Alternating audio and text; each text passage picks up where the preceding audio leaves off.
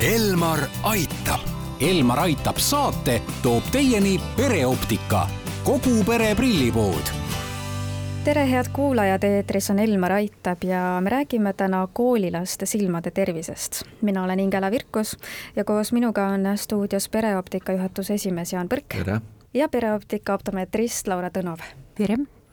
no kohe-kohe algab kool, milline on siis koolilaste silmade tervis ja, ja võib-olla ka nende, kes just hakkavad minema kooli?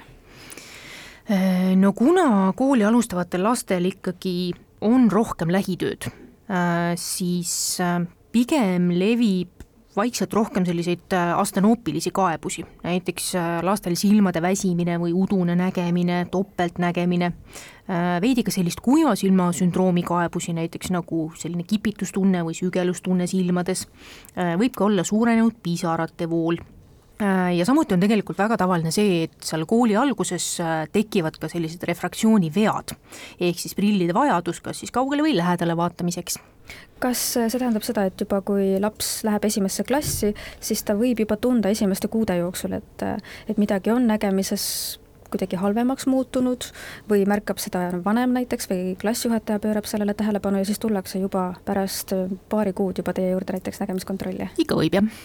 Ehk et lapse silm areneb väga kiire aja jooksul? absoluutselt. mis neid kaebusi aga põhjustab peamiselt? suurenenud selline lähitöö maht, arvutitöö maht ja kindlasti ka vähene selline aja veetmine väljas päikese käes. ja kooli alustatakse ju ka perioodil, kus kohe-kohe hakkab minema ka aina pimedamaks. just nii.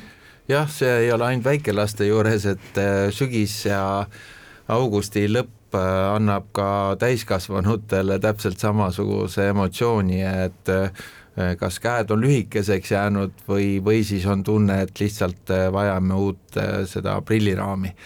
aga see laste kontrollid algavad ju tegelikult ikka väiksest east, aga see soovituslik enne kooli nägemise kontroll on ülioluline, sellepärast et lisaks nägemisele mõjutab see laste kõike seda äh, haaramise võimet ja, ja seda informatsiooni kogumise võimet ääretult ja see sellise järsu töömahu suurenemisega võib tegelikult tuua ka igasuguseid peavalusid ja selliseid probleeme juurde, nii et et see nõue, et enne kooli laste nägemist kontrollida, on väga-väga oluline.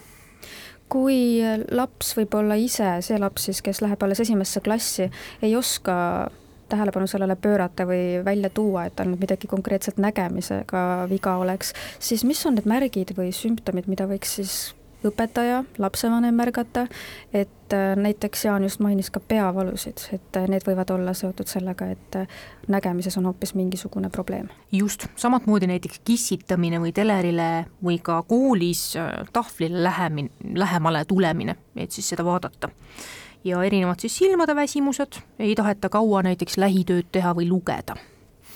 Ma olen kuulnud, et tänapäeval ei taheta enam nagu lähemale tulla, aga tehakse telefoniga pilt ja seda suurendatakse, et, et need äh, on sellised tegevused, mida veel, ma ei tea, viis aastat tagasi ei osanud nagu uneski näha, mida lapsed välja mõtlevad, aga üks asi on kindel, et äh, nägemist need äh, protsessid ei paranda kelle juurde siis tuleks laps viia nägemiskontrolli, et kui esimene silmakontroll äh, toimub seal kolmandast eluaastast, te soovitasite kindlasti veel enne kooli algust ka kontrollis käia, siis kelle juures seda teha? Siis esmane kontroll on ka näiteks optometristi juures.